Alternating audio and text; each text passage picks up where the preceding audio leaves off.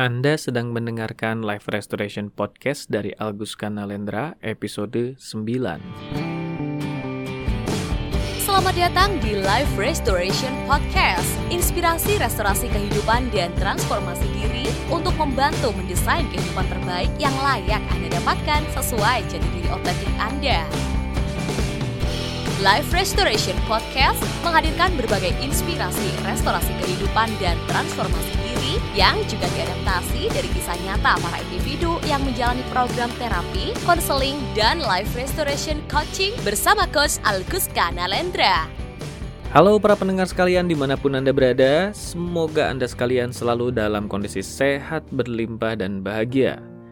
Berjumpa kembali di episode ke-9 kali ini. Sebagai manusia, kita tentu ingin bisa menjalani kehidupan yang tenang dan membahagiakan. Betul? Fenomenanya, demi bisa hidup tenang dan berbahagia inilah banyak orang rela melakukan berbagai macam cara dan bahkan menghabiskan uang yang tidak sedikit. Semua demi bisa merasakan rasa tenang dan bahagia ini. Membicarakan tenang dan berbahagia Hal apa yang kira-kira bisa mengganggu keberadaan dari rasa tenang dan bahagia ini? Anda tentu sudah bisa menebaknya, yaitu masalah. Apa yang dimaksudkan masalah ini? Saya tidak ingin membahasnya dengan terlalu banyak berteori. Saya pribadi lebih suka mengatakannya sebagai segala sesuatu yang menjauhkan kita dari kondisi ideal yang kita harapkan. Jika tenang dan bahagia adalah kondisi ideal yang kita harapkan, maka segala sesuatu yang membuat kita tidak tenang dan bahagia adalah hal yang kita nyatakan sebagai masalah. Tergantung dari kadar yang ditimbulkannya. Semakin ia membuat kita tidak tenang, dan semakin ia membuat kita jauh dari bahagia, maka bisa kita nyatakan bahwa semakin besar kadar masalah itu apalagi kalau ia sampai menimbulkan dampak kerugian, baik kerugian moral ataupun material. Ngomong-ngomong, adakah orang yang terbebas dari masalah? Secara pribadi, saya tidak berani mengatakan ada orang yang terbebas dari masalah. Hal ini karena hadirnya masalah dalam hidup seseorang tidak lepas dari fitrah kita sebagai manusia, di mana hadirnya masalah menjadikan kita berpikir dan bertumbuh. Apa maksudnya? Begini, fitrahnya manusia adalah selalu mencari kenyamanan dalam apa pun aktivitas yang kita jalani. Hadirnya masalah sudah tentu membuat kenyamanan ini hilang. Maka, kita pun akan mencari cara untuk bisa mengatasi masalah ini agar bisa kembali merasakan kenyamanan. Dalam upaya mengatasi masalah itu, apa yang kita lakukan? Yes, berpikir dan melakukan sesuatu. Semakin familiar kita dengan situasinya, maka kita menggunakan cara lama yang sudah kita ketahui bisa menyelesaikannya. Tapi semakin asing masalah itu, maka semakin kita harus berpikir dengan cara yang baru dan melakukan sesuatu yang baru untuk bisa menyelesaikannya. Artinya, disadari atau tidak, hadirnya masalah melatih diri kita untuk berpikir dan bertumbuh. Semakin banyak masalah yang kita selesaikan, maka semakin banyak kita mengadaptasi pemikiran dan tindakan baru. Semakin baik kita berpikir dan bertumbuh. Tapi ingat, hal ini hanya berlaku untuk masalah yang diselesaikan. Artinya, mereka yang terus-menerus menghindari masalah atau menyerah ketika menghadapi masalah tentu tidak akan mendapatkan pertumbuhan yang sama. Bayangkan diri kita sedang melakukan latihan angkat beban di gym. Kita memulai latihan di kondisi apa adanya ketika memulainya. Di awal memulai ini, kondisi otot kita masihlah apa adanya. Kita punya standar kemampuan dan kenyamanan untuk mengangkat beban di berat tertentu dan jumlah tertentu ketika kita mengangkat beban yang melebihi standar kemampuan dan kenyamanan awal ini, apa yang terjadi? Ya, otot kita yang belum siap akan kaget dan merasa sakit. Seiring kita terus melatih diri kita mengangkat beban di berat dan jumlah baru yang melebihi standar kemampuan dan kenyamanan awal, otot kita pun menyesuaikan kekuatannya. Ia semakin terlatih sampai lama-lama beban yang baru itu bisa diangkat dengan lebih nyaman. Apa yang sebelumnya tidak bisa dilakukan dengan nyaman, kali ini bisa dilakukan dengan lebih nyaman dan dianggap hal biasa. Tapi apa yang terjadi kalau kita menyerah di tengah jalan karena tidak kuat menahan sakit atau ketidaknyamanan. Betul sekali, belum juga otot kita menyesuaikan diri dengan tantangan baru, ia sudah berhenti. Maka otot kita pun tetap berada di kondisi lamanya apa adanya, tidak mampu menerima tantangan lebih. Perumpamaan imajiner tadi adalah ilustrasi seperti apa diri manusia bertumbuh ketika ia dihadapkan dengan masalah yang kemudian diselesaikannya. Masalah itu bukan lagi menjadi masalah, tapi ia menjadi ujian atau tantangan untuk naik kelas kehidupan. Ada kalanya beberapa masalah sedemikian tidak terhindarkan untuk kita alami. Di sinilah kita dituntut untuk bisa meningkatkan otot kemampuan kita dalam menyelesaikan masalah itu sampai tuntas. Tapi selalu ada juga orang-orang yang ketika dihadapkan dengan masalah ini memutuskan untuk menyerah dan setelah melaluinya mereka lantas trauma karenanya. Saya ingin mengutip sebuah kalimat bijak yang berbunyi, "Pelaut yang sudah melewati badai tidak akan pernah menjadi pribadi yang sama." Sebagai pelaut, apa kondisi ideal yang kita harapkan ketika melaut? Tentu saja laut yang tenang dan nyaman untuk dilalui. Maka kondisi ketika laut menjadi tidak tenang dan tidak nyaman dilalui bisa kita nyatakan sebagai masalah. Faktanya, apakah laut akan selalu tenang dan nyaman untuk dilalui? Anda tentu tahu jawabannya bahwa tidak demikian adanya akan selalu ada ketidaknyamanan yang seorang pelaut alami ketika melaut. Dari mulai ketidaknyamanan cuaca dalam versi kecil sampai ke badai yang besar. Mereka yang sudah terlanjur berada di tengah laut tidak bisa menghindari masalah ini, apalagi jika itu adalah badai. Badai menjadi sesuatu yang harus dilalui jika mereka ingin bertahan hidup dan selamat melanjutkan hidupnya. Apakah semua pelaut siap menghadapi badai ini? Yang terjadi adalah bisa saja dua pelaut menghadapi badai yang sama, tapi mereka merespon dengan cara yang berbeda.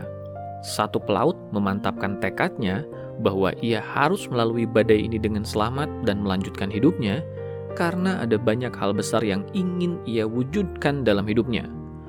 Maka sebesar apa pun badai menghantamnya, ia selalu mengarahkan fokusnya pada bagaimana caranya agar ia bisa melewati badai itu dengan selamat. Sementara itu, pelaut yang satu lagi sedemikian takutnya pada badai yang sedang menerjangnya. Ia fokus pada ketakutan dan ketidakberdayaan. Ia tidak bisa melihat peluang apa pun yang dirasa bisa menyelamatkannya, karena dalam benaknya yang ada hanyalah rasa takut, dan ia hanya bisa menunggu dua hal: menunggu keajaiban, atau menunggu kematian. Pasrah dan menyerah adalah dua hal yang berbeda. Mereka yang pasrah mengarahkan segala daya upaya untuk bisa mewujudkan kondisi idealnya, namun mereka tidak melekat pada hasil. Mereka fokus pada proses terbaik, namun menyerahkan hasilnya pada ketentuan Tuhan yang Maha Kuasa. Sementara mereka yang menyerah tidak fokus pada proses, mereka hanya fokus pada ketidakberdayaan. Mereka tidak berpikir untuk melakukan tindakan apa pun, mereka hanya berharap-harap keajaiban akan datang menyelamatkan mereka. Pelaut yang sudah melewati badai tidak akan menjadi pribadi yang sama. Pertanyaannya adalah pribadi yang bagaimana?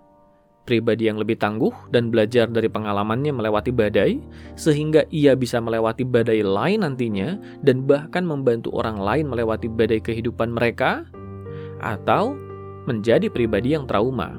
Mereka tidak mau lagi melaut, bahkan baru memikirkan melaut saja sudah gemetar ketakutan. Dalam skala yang lebih buruk, mereka jadi gila karenanya. Itu pun dengan catatan mereka melewati masalahnya Karena ada juga mereka yang di tengah gejolak masalah yang sedemikian rupa menghampiri hidupnya, memilih untuk mengambil jalan pintas mengakhiri hidupnya. Mereka memilih solusi permanen untuk masalah yang padahal hanya bersifat sementara. Tidak ada pusaka lahir tanpa ditempa. Itulah nasihat yang saya ingat betul dari guru saya. Para pribadi tangguh bukanlah pribadi yang terlahir tangguh begitu saja mereka hanya sudah melewati lebih banyak masalah dari orang biasa dan terus menguatkan dirinya untuk melewati semua masalah itu. Seperti pedang pusaka yang ditempa, ia tidak membiarkan tempaan itu mematahkan dirinya, tapi menjadikannya pusaka yang bernilai tinggi. Jika masalah adalah salah satu bentuk tantangan untuk naik kelas kehidupan, maka bagaimana cara melampaui masalah ini agar kita bisa terus bertumbuh menjadi lebih kuat, lebih tangguh, dan naik kelas kehidupan? Saya menjelaskannya dalam lima langkah. Sudah siap menyimaknya? Mari kita mulai saja. Langkah pertama untuk melampaui masalah dan naik kelas kehidupan bermula dari kesadaran yaitu dengan menyadari dan memandang bahwa masalah adalah tantangan untuk naik kelas kehidupan. Apa pun masalah yang kita alami, terlepas dari itu disebabkan oleh diri kita atau orang lain, berhenti memandang masalah adalah kutukan atau kepahitan yang melemahkan kita. Berpikirlah seperti mereka yang terlatih angkat beban di gym. Mereka yang berlatih angkat beban di gym tidak memandang beban sebagai sesuatu yang melemahkan mereka, tapi justru menguatkan mereka. Mereka memantapkan fokusnya untuk bisa terus menguatkan dirinya demi bisa melampaui beban yang menantangnya. Sadari bahwa kita bertanggung jawab atas apa pun yang kita alami, termasuk menyelesaikannya. Kita tidak bisa datang ke gym dan berharap ada orang yang mengangkat beban untuk kita, tapi kita yang bertambah kuat. Betul? Berhenti memandang bahwa diri kita adalah orang yang malang karena adanya semua masalah yang kita alami. Justru pandanglah diri kita sebagai pusaka yang sedang ditempa oleh kehidupan. Betapa Tuhan yang Maha Kuasa menghadirkan berbagai tantangan dalam hidup kita karena Ia memiliki rencana yang besar untuk kita di masa depan, yaitu untuk menjadikan diri kita pribadi yang kuat dan mampu menguatkan sesama yang membutuhkan nantinya. Mari lanjutkan ke langkah kedua untuk melampaui masalah dan naik kelas kehidupan, yaitu selalu pandang jauh ke depan. Miliki cita-cita dan alasan besar yang ketika kita ingat akan menyadarkan kita bahwa hidup ini perlu diperjuangkan sebaik mungkin, semata karena ada hal-hal besar yang tingkat kebahagiaannya ketika kita raih melebihi kadar tantangan yang sedang menghambat kita. Bayangkan kembali pelaut yang terjebak dalam badai. Mereka yang memiliki alasan yang kuat untuk selamat karena ada hal-hal yang lebih besar dan lebih berharga untuk mereka jaga dalam hidupnya akan lebih kuat daripada mereka yang tidak memiliki alasan berharga apa pun untuk melanjutkan hidupnya. Begitu juga dalam keseharian yang kita jalani. Mereka yang dengan cepat menyerah pada masalahnya adalah mereka yang memang tidak melihat ada sesuatu yang berharga yang harus mereka perjuangkan di ujung masalahnya. Lagi-lagi, kebahagiaan menjadi kunci penting dalam melampaui masalah ini yaitu dengan menyadari ada nilai kebahagiaan apa yang lebih besar yang layak kita perjuangkan di masa depan sana, yang ketika kita sadari nilai kebahagiaan ini akan membuat kita memandang masalah yang sedang menghampiri ini terlihat kecil. Di sinilah penting bagi kita untuk selalu memiliki tujuan besar di masa depan sana sebuah tujuan besar yang berfokus pada nilai kebahagiaan yang besar, sedemikian besarnya sampai kita bisa mengatakan pada masalah yang menghampiri, aku punya tujuan yang lebih besar untuk kuperjuangkan, tidak akan kubiarkan kau kupandang lebih besar daripada tujuan yang berharga ini. Mereka yang hanya fokus menjalani kehidupan sekedar untuk melewati hari demi hari adalah mereka yang paling rentan mengalami kejatuhan mental ketika dihadapkan dengan masalah karena tidak ada hal berharga yang harus mereka perjuangkan di depan sana. Hanya ada kepentingan menyambung hidup semata. Begitu mereka dihadapkan dengan tantangan yang melebihi kemampuan mereka menyambung hidup, maka akan tiba saatnya mereka melepaskan kepentingannya itu. Langkah ketiga untuk melampaui masalah dan naik kelas kehidupan, jaga fokus. Hal ini hanya bisa dilakukan jika faktor pertama dan kedua sudah Anda lakukan dengan baik. Fokus seperti apa yang harus kita jaga untuk bisa melampaui masalah dan naik kelas kehidupan ini? Ada tiga jenis fokus. Pertama, yaitu fokus pada kesadaran bahwa masalah adalah tantangan untuk naik kelas kehidupan, seperti sudah dibahas di langkah pertama sebelumnya tadi. Kedua, fokus pada tujuan besar yang berharga untuk diperjuangkan di masa depan seperti yang tadi sudah kita bahas di langkah kedua. Itulah kenapa saya katakan menjaga fokus ini hanya bisa dilakukan jika kita sendiri sudah memiliki fokus yang tepat, yaitu fokus pada apa yang kita sudah sadari di langkah pertama dan kedua tadi. Fokus pada makna dari masalah sebagai tantangan dan fokus pada tujuan besar yang lebih berharga untuk diperjuangkan. Tapi masih ada fokus yang ketiga, yaitu fokus pada meningkatkan kapasitas diri kita dalam menghadapi masalah. Bayangkan diri kita berada di sebuah hutan yang dikelilingi pohon lebat. Kita tidak tahu jalan mana yang tepat yang akan mengantar kita melewati hutan itu dengan baik. Jika kita hanya fokus memandang lebatnya hutan, maka kita tidak akan mengetahui jalan yang akan mengantarkan kita melewati hutan itu. Jadi, apa yang bisa kita lakukan? naiklah, panjatlah satu pohon yang tinggi, yang dari ketinggian itu kita jadi bisa melihat dan memahami situasi di bawah sana dengan lebih baik. Begitu juga dalam menyikapi masalah. Tingkatkan kapasitas diri kita. Naiklah ke level berpikir yang lebih tinggi dari masalah itu agar kita bisa memahaminya dengan lebih baik. Bagaimana caranya? Akan kita bahas di langkah keempat sekarang. Langkah keempat untuk melampaui masalah dan naik kelas kehidupan yaitu berpikirlah taktis. Belajarlah dari pengalaman. Bisa berupa pengalaman pribadi. Jika Anda punya pengalaman serupa, maka gunakan pengalaman itu untuk menyelesaikannya. Segala masalah memiliki pola. Ada asap, maka tentu ada api. Pahami apa api yang menyebabkan munculnya masalah yang kita alami, lalu padamkan apinya. Artinya, Selesaikan masalah tepat di sumbernya agar ia tidak terjadi lagi berulang. Jika permasalahan ini adalah hal baru dan kita tidak memiliki pengalaman untuk menyelesaikannya, maka kita bisa belajar dari pengalaman orang lain. Artinya, belajarlah, bertanyalah pada orang lain yang pernah melewati masalah yang kurang lebih sejenis, tidak perlu yang sama persis, tapi memiliki kesamaan. Ambil hikmah pembelajaran dari pengalaman mereka dan terapkan pada situasi yang kita alami. Karena pengalaman adalah guru terbaik, tidak ada salahnya jika kita sendiri mencoba melakukan hal baru dan mendapatkan pengalaman baru, bukan? Ya, artinya selain dari bertanya pada orang lain, tidak ada salahnya kita juga menciptakan pengalaman baru hasil dari upaya kita sendiri. Coba saja lakukan hal yang belum pernah kita lakukan dan belajarlah dari hasilnya. Bisa jadi anda menemukan strategi pemecahan masalah baru sebagai hasilnya. Langkah kelima dan terakhir yaitu mengerahkan daya upaya pada apa yang bisa kita lakukan untuk menyelesaikan masalah, bukan pada ketidakberdayaan atau apa yang tidak bisa kita lakukan. Ingat kembali ilustrasi asap dan api tadi? Apa sumber api yang menyebabkan munculnya masalah ini? Di sini penting bagi kita untuk menyadari bahwa kita tidak boleh menyalahkan orang lain atas keberadaan masalah kita. Di balik masalah yang kita alami, pasti ada peran serta keterlibatan kita yang melatari munculnya masalah itu.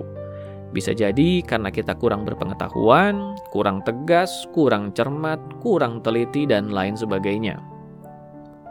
Hal ini bukan berarti kita menyalahkan diri sendiri, tapi justru bertanggung jawab atas kehidupan diri sendiri.